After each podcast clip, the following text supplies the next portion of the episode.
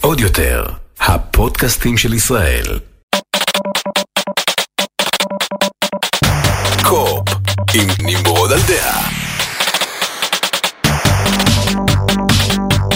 שלום חבר'ה, ברוכים הבאים לפרק מספר 51 של קו-אופ, פודקאסט הגיימינג של טופ גיק ועוד יותר. חברים, אנחנו בשבוע הבא מתחילים עונה שנייה של קו-אופ. הולך להיות מעניין, אנחנו מתכננים לכם כל מיני דברים מעניינים, מרחיבים את הפודקאסט. אני לא רוצה לעשות לכם ספוילרים, אתם תראו כבר, אתם לא צריכים לחכות, אנחנו לא עושים איזושהי הפסקה בין עונה ראשונה לשנייה, אנחנו נכנסים ישר לעונה השנייה.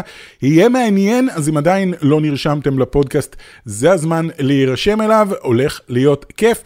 היה שבוע מעניין בעולם הגיימינג, אמנם אין לנו יותר מדי משחקים חדשים לשחק כרגע, אנחנו נמצאים בתקופת שפל כזאת לקראת משחקים נורא נורא גדולים כמו אלדן רינג והורייזן פורבידן ווסט שאמורים להגיע ממש בחודש הקרוב, אה, אבל בינתיים אין יותר מדי, אבל כן היו הרבה הכרזות מעניינות, אז אנחנו נדבר היום על ההכרזות המעניינות האלה, ואני רוצה להתחיל ישר בהכרזה המעניינת ביותר, לפחות מבחינתי, אם אתם זוכרים, שבוע שעבר, בפודקאסט של שבוע שעבר, שעשיתי פודקאסט על חלומות, דברים שאני חולם שהכריזו עליהם, דברים שאני אה, רוצה שיקרו. דיברתי על הפלייסטיישן VR 2 וכל הדברים שאני רוצה שהפלייסטיישן VR 2 יהיה. כמה שעות אחרי זה, פלייסטיישן פשוט הודיעו על פלייסטיישן VR 2, קודם כל בצעד מפתיע לחלוטין, הם הולכים לקרוא לו פלייסטיישן VR 2, הם נורא אוהבים לעשות את ההכרזות האלה של uh, הצעד הבא בעולם ה-VR יוצא ואנחנו קוראים לו...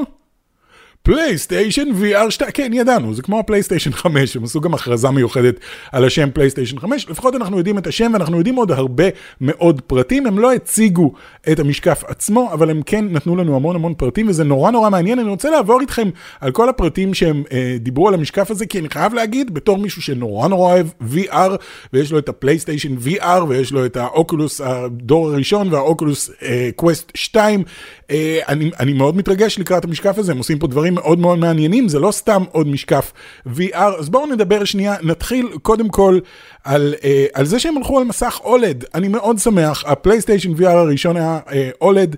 והקווסט הוא לא OLED, הוא LCD, אה, ואני פחות אוהב מסכי LCD, בעיקר כשהם קרובים לעיניים, בגלל ששחור לא יוצא בדיוק שחור, ב OLED אתה יכול פשוט לכבות את הפיקסל, ואז חושך זה חושך מוחלט, וזה עובד נהדר ב-VR, אז אני שמח שהם הלכו על OLED, והם לא סתם הלכו על OLED, הם הלכו על מסך. אשכרה 4K כאן, בתוך הפרצוף שלכם, 4K מול העיניים, הרזולוציה הולכת להיות 2000 על 2040 לכל עין, שזה מאוד מאוד מרשים. יש לי פה אה, השוואה בין כל הזה, 2000 על 2040 לכל עין. בפלייסטיישן VR הקודם היינו על 960 על 1080 לכל עין, זו קפיצה מאוד משמעותית, יותר מפי 2, יותר מ-50 אחוז. אה, יותר מפי שתיים מהרזולוציה. האוקולוס קווסט 2 כרגע הוא על 1832 על 1920, שזה גם כן פחות, זה לא הרבה פחות, אבל זה עדיין פחות, ונניח ה Valve Index שנחשב למדהים מכל בחינה, הוא כולה 1600 על 1440. אז מבחינת רזולוציה, כרגע הפלייסטיישן VR 2 מנצח את כולם, חוץ מנניח כל מיני Pimax וכל מיני כאלה שהלכו דווקא על רזולוציה כמה שיותר גבוהה, יש Pimax 8K וכאלה, עם רזולוציות מטורפות, אה, אבל אתם לא תצטרכו מחשב מטורף כדי להריץ את זה, כי זה מתחבר לפלייסטיישן 5. מעבר לזה, המסך הוא לא רק אולד והוא לא רק ברזולוציה מאוד גבוהה, הוא גם HDR, שאני חושב שזה מאוד מאוד חשוב במשחקי VR, בעיקר, אתם יודעים, משחקי VR מאוד uh, כיף לשחק משחקי אימה וכאלה, אז HDR נותן לכם את האפשרות לראות הרבה יותר פרטים באזורים חשוכים, וגם באזורים מוארים. בכללית, זה רמת פירוט יותר גבוהה, מבחינת כאילו הפרדת צבעים יותר גבוהה, אז HDR גם כן, משהו שלא עושים בשום אה, משקף VR אחר, אז אני מאוד שמח, הם הכניסו פה הרבה מאוד דברים ש, שאין בשום משקף אחר. הדבר שאותי הכי מעניין, ואני רוצה לראות את זה כי שמעתי על זה הרבה, אבל אף פעם לא ראיתי שום משקף עושה את הדבר הזה, זה משהו שנקרא Foveated Rendering. Uh, הרבה אנשים שמעו על הביטוי הזה, Foveated Rendering, ולא כל כך הבינו על מה מדובר, ופשוט עברו הלאה. Foveated Rendering, Rendering זה מאוד מאוד מרשים. מה שזה אומר, זה מתחבר לעוד משהו שיש במשקף הזה, וזה ה-eye tracking. יש מצלמה קטנה מעל העיניים שלכם, שמסתכלת לאן העיניים שלכם מסתכלות. הם רואים לאן אתם מסתכלים בכל רגע נתון, ואז מה שקורה זה שזה מרנדר באיכות הרבה יותר גבוהה, רק את הנקודה שעליה אתם מסתכלים. אם אי פעם אה, הסתכלתם, או יותר נכון התרכזתם באיך אתם רואים, אם סתם תבהו עכשיו קדימה, תסתכלו על משהו, תתמקדו על משהו שנמצא נמצא מולכם, אל תזיזו את העיניים מהדבר שאתם מתמקדים עליו, אבל תנסו במוח שלכם להתרכז בכל מה שנמצא מסביב לדבר הזה. אתם פתאום תשימו לב שמה שאתם מתרכזים עליו נמצא ברזולוציה מאוד גבוהה, אתם רואים אותו מאוד מאוד חד וברור, וכל מה שמסביב מטושטש לחלוטין. אנחנו, ככה העיניים שלנו עובדות.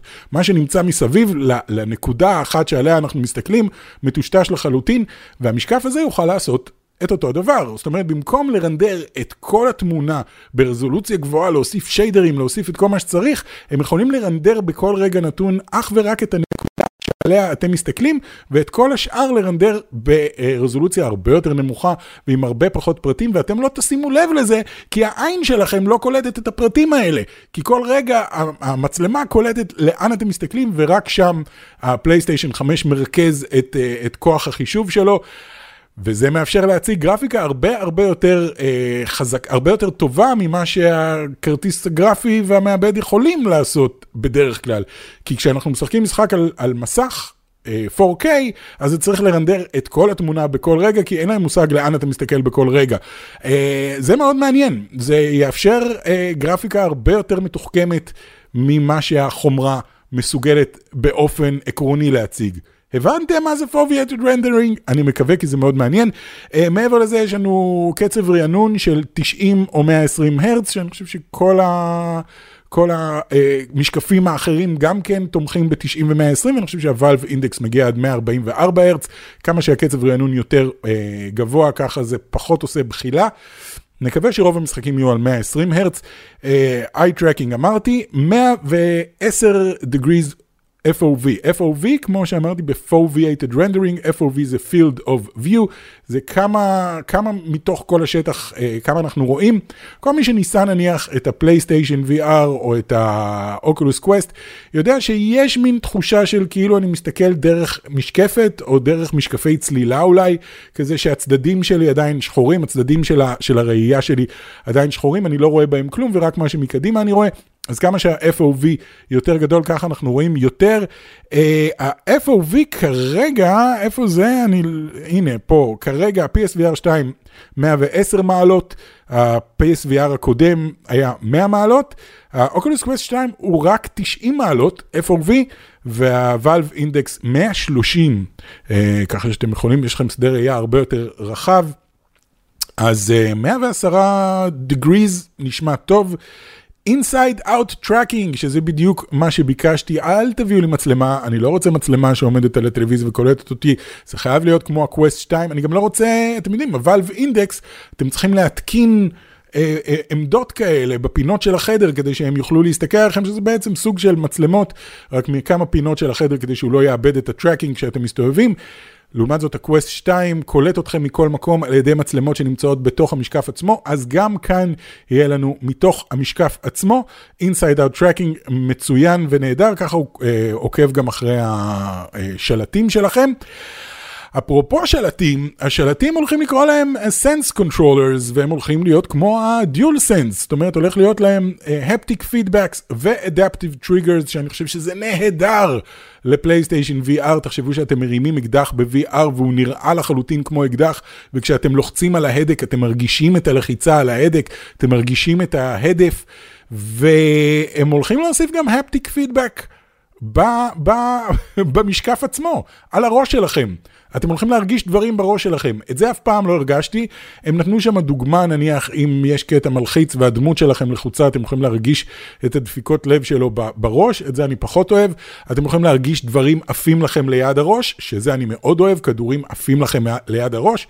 אה, נניח, אם יהיה גשם, אתם יכולים להרגיש טיפות גשם, כל מי ששיחק אסטרובוט והחזיק את השלט, או ריטרנל, uh, החזיק את השלט בזמן שיורד גשם, אתם יכולים להרגיש את הטיפות עצמן על הידיים, אז הפעם יהיה לכם טיפות על הראש, זה נהדר, אני מאוד אוהב את הרעיון הזה. לכל העניין נוסיף גם את ה-3D אודיו, 3D Tempest אודיו קוראים לזה, שגם ככה יש להם, אז הם הולכים להכניס אותו גם פנימה, שזה אומר שכשאתם מסובבים את הראש, אתם שומעים את הסאונד מגיע מהכיוון הנכון שהוא אמור להגיע, כולל למעלה, למטה, אני לא יודע איך הם עושים את זה, אבל הם עושים את זה, זה אשכרה עובד. אה, אז חברים, זה נראה כמו משקף מרשים במיוחד, אבל למרות הכל, אה, עדיין צריך כבל, זה עדיין הולך להיות מחובר בכבל, אמנם כבל USB 3.1 ולפלייסטיישן 5 יש חיבור USB 3 מקדימה, ככה שלא תצטרכו לחבר את זה מאחורה, אז טכנית מהמשקף לקדימה של הקונסולה נשמע נחמד. מצד שני, הרבה אנשים העמידו את הקונסולה שלהם, אצלי היא שוכבת, אבל הרבה אנשים העמידו את הקונסולה ואני מתאר לעצמי שמשיכה לא במקום לאיזשהו כיוון יכולה להפיל את הפלייסטיישן 5. מעבר לזה אני גם כבר לא מאמין בכלל בכבלים. אם הקווסט 2 יכול לשחק Half-Life Alex דרך המחשב שלי בלי כבל, בהתחלה היה צריך כבל ואז אמרו אתם יודעים מה לא צריך כבל, הנה איירלינק, אתם יכולים לחבר, פשוט לקבל את זה מהאינטרנט, דרך האינטרנט. למה לא? זה עובד מדהים, זה עובד מושלם. אתם לא מרגישים בכלל שיש פה איזשהו חיבור דרך האינטרנט, ואני חושב שהפלייסטיישן יכול לעשות את זה. לפלייסטיישן יש יכולות אה, שידור וי-פיי מאוד מאוד מתקדמות ומאוד מאוד מהירות, והם יכולים לשלוח טכנית ישירות למשקף. אני לא יודע, זה תלוי בסוני, אם הם החליטו לעשות את זה, אני מקווה מאוד שיהיה מספיק פידבק שלילי על הכבל האחד הזה, כדי שסוני יגידו, טוב, בואו בוא נדחוף פנימה גם אה, וי-פיי כדי שהוא יתקשר עם הפלייסטיישן. זה יהיה מדהים, חברים, זה יהיה ממש מדהים. אם יהיה להם משקף עם כל היכולות האלה, ואלחוטי לחלוטין, oh my god, זה חלום, זה יהיה חלום, וללא ספק יקדם את עולם ה-VR עוד הרבה מאוד קדימה, כי אתם צריכים רק לקנות את ה... אם כבר יש לכם פלייסטיישן 5, כל מה שאתם צריכים לעשות זה לקנות את המשקף עצמו. ויש לכם כבר את החומרה ואת המשחקים והכל כדי להריץ את זה. אז נחמד מאוד, בנוסף לזה הם... הכריזו על משחק VR ראשון לפלייסטיישן VR 2 שמתרחש בעולם של הורייזון שנקרא הורייזון Call of the Mountain. זה נראה כאילו שזה משתמש באותה גרפיקה של הורייזון uh, Forbidden West וכנראה מה שהם אמרו זה יאללה אתם יודעים מה אנחנו מוצאים גם PSVR 2 קחו צוות. תנו לו לעבוד עם אותה גרפיקה גם על uh, משחק VR כלשהו. אני לא יודע מה הולך להיות המשחק הזה, אני יודע שאפשר לשחק עכשיו במחשב את כל הורייזן זירו דון ב-VR. עשו לזה מוד VR, אני לא יודע מי עשה, אבל אנשים משחקים הורייזן זירו דון ב-VR ונורא נורא נהנים. אז יהיה מאוד מעניין. Uh, את המשקפיים, שוב, לא ראינו, כמו שאמרתי. אבל בהחלט מעניין את כל זה הם הכריזו בתערוכת CES, ואפרופו תערוכת CES, בטח הרבה מכם יצא לכם אה, לראות, אם אתם עוקבים אחרי העניין הזה, את הרובוטית החדשה הזאת שנקראת אה, עמקה. עמקה, אני לא יודע, עמקה אני חושב, שהיא רובוטית אה, אפורה כזאת עם הבעות פנים מאוד מאוד אה, מציאותיות, ואנשים מדברים איתה והיא עונה להם, וכאילו, oh my god, תראו, שאלתי אותה שאלה, והיא ענתה את התשובה הזאת, חבר'ה, זאת אישה. אה, הרבה פספסו את, ה, את העניין הזה, אני יודע, זה לא קשור כרגע לגיימינג, אבל ראיתי כל כך הרבה סרטונים של oh my god, תראו לאן הגענו ברובוטיקה, הוא שואל אותה שאלות והיא עונה להם ישר במקום, לא, זאת הייתה אישה, הם גם אמרו את זה, המפעילים של הרובוט אמרו, זאת אישה שיושבת, שאלו איפה היא יושבת, הוא אומר, היא לא יושבת פה, לפעמים ב-UK, לפעמים ב-US, זה עובר כאילו, זה כמו שיחת סקייפ בעצם, יש מצלמה והיא רואה את האנשים שמדברים אליה והיא עונה להם בקול של רובוט, זה לא הרובוטית עצמה מדברת. מה שכן מרשים ברובוטית עצמה, זה התנועות המאוד מאוד מאוד חלקות שלה, והבעות פנים המאוד... יחסית מציאותיות שלה, אני לא נפלתי מהבעות פנים האלה, אבל כן היה פה פיתוח מאוד מאוד גדול בכל תחום הרובוטיקה, אבל חברים, זה לא היה AI מטורף, אנחנו עדיין לא שם. וגם במאמר מוסגר, אם אני כבר מדבר על זה, חברים, תפסיקו לחלום על רובוטים שנראים כמו בני אדם, זאת לא המטרה הסופית של רובוטיקה, אנחנו לא רוצים רובוטים שנראים, כאילו, יהיה נחמד אם יהיה רובוטים שנראים כמו בני אדם, זאת לא המטרה, אנחנו לא רוצים. אה, אתם זוכרים את הג'טסונס, הסדרה שהייתה כמו הפלינסטונס רק בעתיד, והיה להם רובוטית שהייתה שואבת את, ה, את האבק, את השטיח, אין היגיון ברובוט שנראה כמו בן אדם ומחזיק שואב אבק, ובגלל זה יש לנו רומבה. כדי שהוא יהיה נמוך וקטן ויוכל להיכנס מתחת לספה, כי רובוט אמור למלא את העבודה שלו בצורה הכי יעילה, והכי יעיל זה לא אנחנו, אנחנו לא הצורה הכי יעילה. אם אנחנו היינו הצורה הכי יעילה, לא היינו צריכים רובוט בכלל. אז חברים, אה, כל הקונספט הזה של רובוטים שנראים כמו בני אדם, ויש הרבה כאלה שמסתובבים בעולם ומראים, תראו כמה שהרובוט שלי מציאותי. I don't care, לא אכפת לי, כל הכבוד. עשית, תלך למדאם טוסו, תיקח את אחת הבובות ותכניס לפנימה שלד של רובוט, ויש לך את הרובוט הכי... הכי מציאותי בעולם, זאת לא המטרה, המטרה היא ליצור רובוטים ש, שעושים את העבודה שלהם כמו שצריך. נכנסתי לרובוטים, נכנסתי לרובוטיקה, סליחה, פשוט תערוכת CES, זאת אחלה תערוכה, היו שם דברים נורא מעניינים. סוני, אגב, הציגו אוטו, אוטו של סוני. אתם רוצים אוטו של פלייסטיישן? הוא לא של פלייסטיישן, הוא של סוני, והם הודיעו שהם הולכים לעשות אוטו. היו הרבה דברים מעניינים בתערוכת CES, כרגע אני לא אדבר עליהם, אבל אני כן רוצה לדבר על תערוכה אחרת שכן קשורה לגיימינג, שקוראים לה תערוכת E3.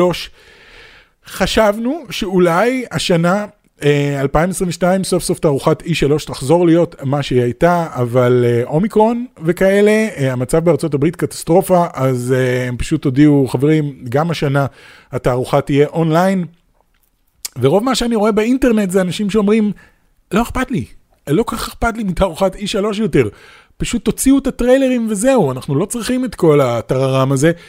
ואני נוטה להסכים איתם.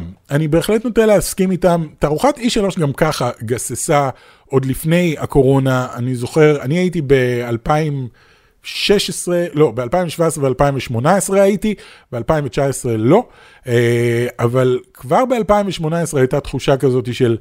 מה אנחנו עושים פה בדיוק? וכאילו 2018 הייתה תערוכה לא, זה היה 2017, זה היה עם God of War וספיידרמן וזה, 2018 זה היה The Last of Us 2, שהעבירו אותנו מחדר לחדר, כדי, לא יודע למה, וכל פעם הראו לנו משהו אחר, את uh, Ghost of Tsushima וכאלה, אבל כל הזמן הייתה תחושה ביני לבין ושאר העיתונאים של מה אנחנו עושים פה, למ, למה צריך את כל הבלגן הזה?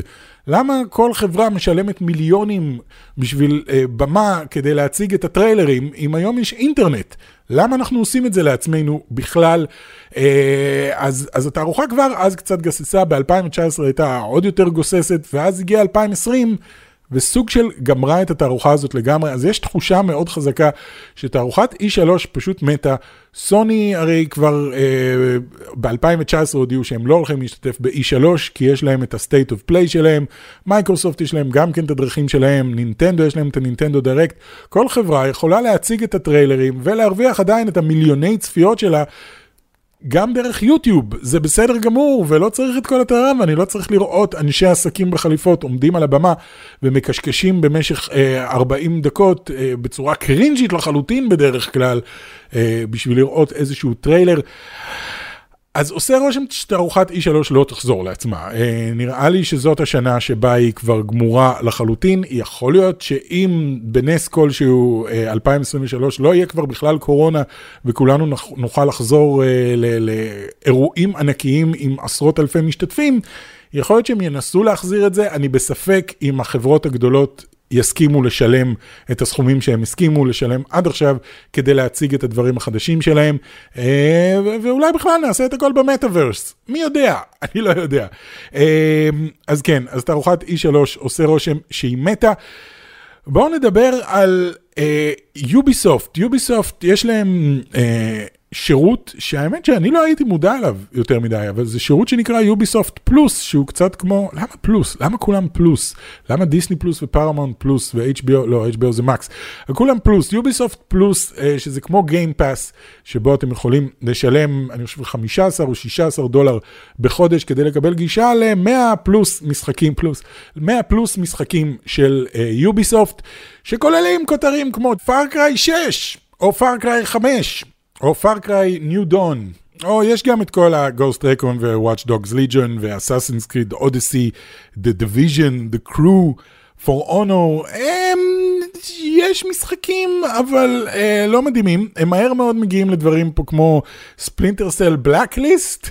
ו Beyond Good and Evil, שזה משחקים שלא שמעתי עליהם כבר כל כך הרבה שנים. Prince of Persia, The Forgotten Sands, כל מיני, בקיצור זה לא להיט מטורף, השירות הזה שלהם, ועכשיו מה שהם הודיעו שהם הולכים לעשות זה את Rainbow Six Extraction החדש, uh, הם הולכים להכניס ישירות ל Game Pass, day one, ביום שיוצא Rainbow Six Extraction, שזה ממש אוטוטו, הוא יגיע גם ל Game Pass ותוכלו שם, והיה איזשהו דיבור על זה שיכול להיות שהם uh, ישאבו את Ubisoft uh, Plus לתוך Game Pass, כמו שהם עשו עם EA Play, uh, יש את השירות של EA שנקרא EA Play, שאף אחד לא נרשם אליו כמעט באופן uh, פרטני, כולם דרך Game Pass מקבלים גם EA Play. שזה עובד טוב בשביל כולם, אז יכול להיות ש Game Pass ישאבו לתוכם גם את Ubisoft uh, Plus, ואז זה עוד משחקים בשביל Game Pass בחינם. את כל המשחקים האלה שאמרתי, כל סדרת Far Cry ו For Honor וכל הדברים האלה, פשוט תקבלו ב Game Pass. נחמד מאוד, uh, אני, זה כן קצת מדאיג אותי, העובדה, הם, הם דיברו על זה שאולי הם יעשו את זה ואז הם אמרו שכנראה שלא, אז אני לא יודע בדיוק אם כן או לא, אבל מה שכן מדאיג אותי זה שכל חברת פיתוח עכשיו תח, תחליט לפתוח שירות גיימפאס משלה, אה, שירות פלוס משלה.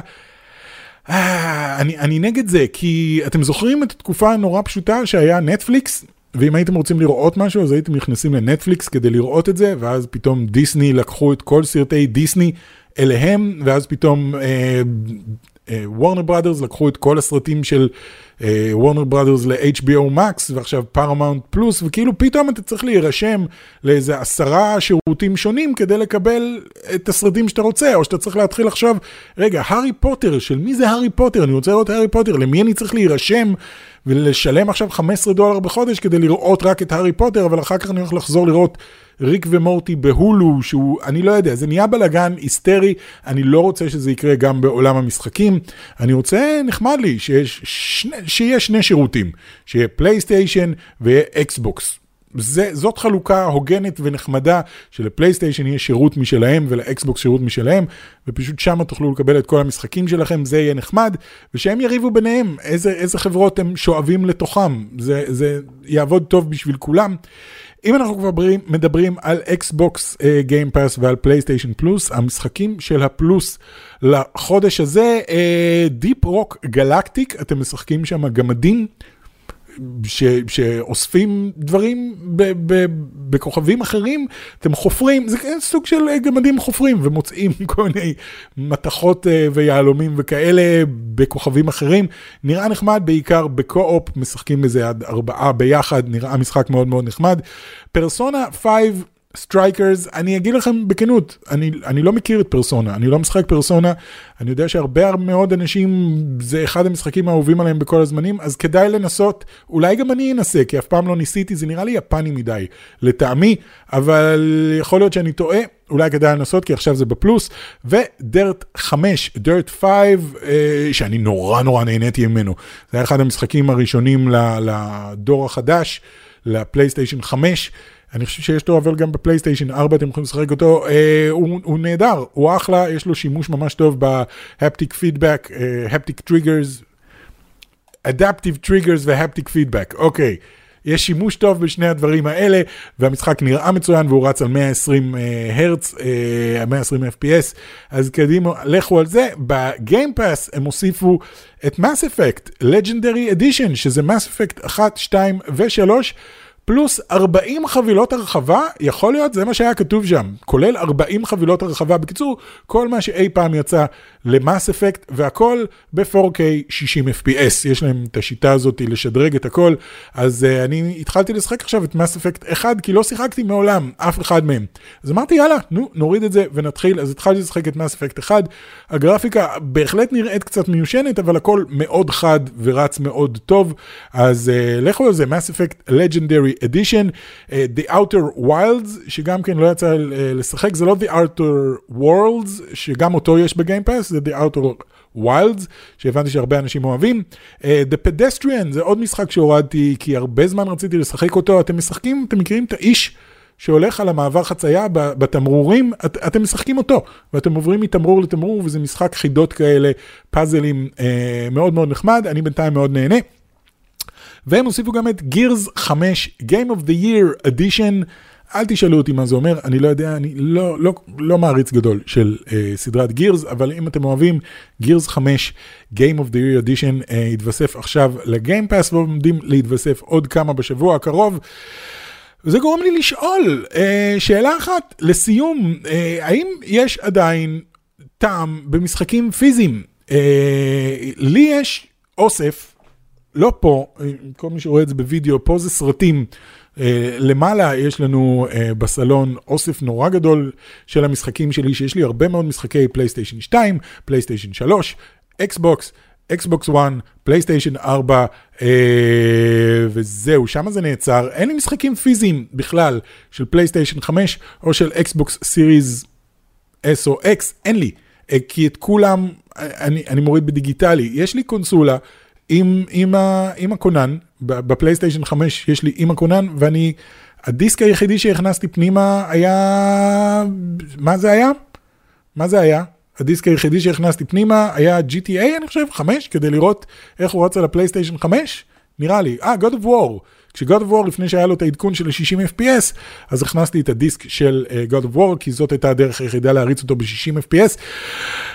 אבל אין לי כבר צורך במשחקים פיזיים, אין לי צורך, אני אוהב מאוד את האוסף שלי, אני מאוד אוהב לעמוד ולהסתכל עליו, יש שם הרבה מאוד משחקים, יש לי, אני עשיתי פעם סרטונים, מאז הוא גדל עוד קצת, אה, יש לי כמה, אני חושב קרוב ל-200 משחקים, שאני מאוד נהנה לעמוד ולהסתכל עליהם, ו- ולהיזכר במשחקים הטובים ששיחקתי, ו- והם שם, ואני יכול להחזיק אותם, ואם אני צריך להכניס אותם פנימה לתוך הקונסולה, אני פשוט מוציא את הדיסק ומכניס פנימה לקונסולה, אבל זה לא קורה כבר, אני כבר לא צריך לעשות את זה. כי הכל עבר להיות דיגיטלי, אז אני שואל את עצמי, האם בכלל יש טעם במשחקים פיזיים? אנחנו יודעים נניח שחנויות כמו גיימספוט בארצות הברית, GameStop, סליחה, GameStop בארצות הברית, GameSpot זה האתר, GameStop די פושטים את הרגל, הם עכשיו נכנסים לכל עניין ה-NFT, אני לא יודע מה זה אומר ואיך הם מתכוונים לעשות מזה כסף בדיוק, אבל איך מוכרים NFT בחנות פיזית, תגידו לי, GameStop? מה קורה לכם? איך אתם מוכרים NFT? לא חשוב, אני משתגע מ-NFT, אבל החנויות האלה מתחילות לפשוט את הרגל בגלל שפחות ופחות אנשים קונים. למעשה למעשה בשנים האחרונות ראינו ירידה מאוד מאוד מאוד משמעותית בכמות העותקים הפיזיים. אני חושב שהקונסולה היחידה שעדיין מוכרת הרבה מאוד עותקים פיזיים זאת הסוויץ', הנינטנדו סוויץ', וגם הם התחילו להכניס הרבה יותר משחקים לחנות הדיגיטלית שלהם, בלי להוציא אותם גם בעותק פיזי. אז אה, כל הקורונה, השנתיים האחרונות שהיו קשות מאוד ואנשים לא יצאו מהבית, היה הרבה יותר הגיוני לקנות עותקים פיזיים של משחקים, אה, עותקים דיגיטליים של משחקים, וזה גם כן גרם לחברות להגיד, וואלה, אני לא, אני, אנחנו לא צריכים להדפיס מיליונים של דיסקים ו- ועטיפות פלסטיק ותסליב בפנים ולהעלות את זה על uh, משאיות ולהטיס את זה לכל מקום בעולם כדי שאנשים יוכלו לקנות את זה עותק פיזי כשאנחנו יכולים פשוט להעלות עותק אחד לחנות משחקים וכולם מורידים את העותק האחד הזה. זאת אומרת, הרבה יותר הגיוני, גם אם תחשבו על זה חברות אינדי, למשל, לא חברות triple A, אלא חברות אינדי קטנות, שעבדו במשך שנים על משחק בתקציב מאוד מאוד זעום, אין להם עכשיו את הכסף להתחיל להוציא את המשחק הזה על דיסק, והרבה יותר הגיוני להם פשוט לשחרר את המשחק הזה, זה הרבה פחות סיכון מבחינתם, אם יוציאו עכשיו מלא כסף על להוציא את המשחק הזה לחנויות באופן פיזי, ואף אחד לא יקנה אותו, מה שקורה הרבה עם אה, משחקי אינדי, הם מפסידים המון המון כסף. לעומת זאת, אם הם לוקחים את העותק שהם עבדו עליו ומעלים אותו, מי שמוריד זה רווח נקי שלהם, אז, אה, אז אני חושב שזה עובד טוב. יש סיכוי, חברים, צר לי להיות uh, מבשר uh, זה, אבל יש סיכוי שהדור הבא כבר לא יהיה גרסאות פיזיות. יכול להיות שאנחנו משחקים עכשיו על הקונסולות האחרונות שיש להם uh, דיסקים, ואם אתם יושבים ואומרים, לא, דיסקים לא ייעלמו לעולם. חברים, קסטות, קלטות, זה היה להיט בכל כל, כל העולם שמע בקסטות. אין היום להשיג קסטות. CD, מי קונה CD?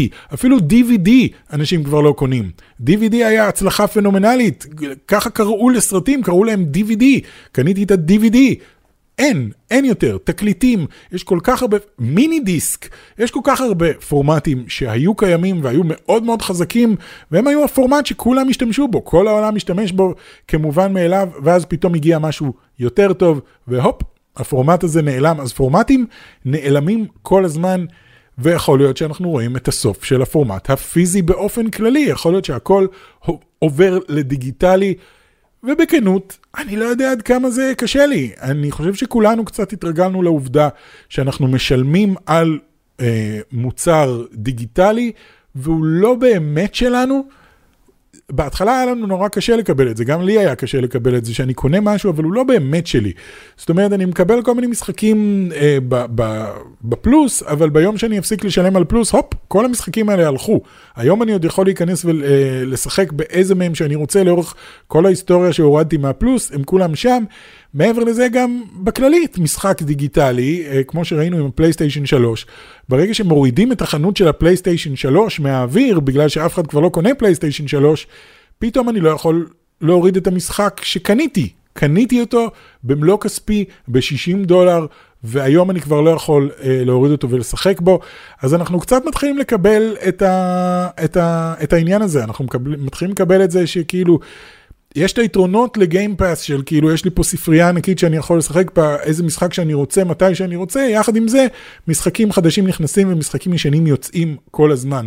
אז יכול להיות שמשחק שאפילו אני באמצע, באמצע המשחק עדיין לא סיימתי לשחק בו, הוא יכול לצאת פתאום מגיימפאס ופתאום, הופ, אני לא יכול להפעיל אותו יותר, וזה קורה הדברים האלה. אז כן, יש יתרונות ויש חסרונות, אה, מה אפשר לעשות בקשר לזה? אני לא יודע. אני אומר, תחזירו את הצורבי DVD, צורב uh, זה, צורב בלו-ריי. לתוך הזה, במקום קונן בלו-ריי תכניסו צורב, ואז אני יכול להוריד, משחק, לקנות משחק דיגיטלי ולצרוב אותו במקום, ואז יהיה לי את, ה, את הספרים האלה שהיו לנו פעם, החוברות שאתה מעביר דפים ובכל דף יש את כל הדיסקים שצרבת עם, עם טוש, כתבת מה זה, יאללה בואו נחזור לזה, אני צוחק כמובן, אבל זה יכול להיות משעשע מאוד, כפשרה. כן, קנית את זה דיגיטלי, אבל הנה, יש לך את זה גם בתור עותק פיזי. אז זהו, חברים, אנחנו הגענו לסוף הפרק הזה, אה, פרק 51, כמו שאמרתי, מהפרק הבא אנחנו נתחיל לעשות דברים טיפה שונה. הרבה יותר מגניב, אתם תראו, אני לא רוצה להרוס לכם, אבל החל מהפרק הבא עניינים טיפה טיפה השתנו פה, עדיין יקראו לפודקאסט הזה קו-אופ, ואנחנו נמשיך לעלות כל שבוע בתקופה, בשעות אה, קבועות, סליחה, בימים קבועים, אבל דברים הולכים להשתנות, אתם הולכים לאהוב את זה מאוד, אז זהו חברים, מקווה מאוד שנהנתם, נתראה בפעם הבאה, ביי ביי. עוד יותר, הפודקאסטים של ישראל.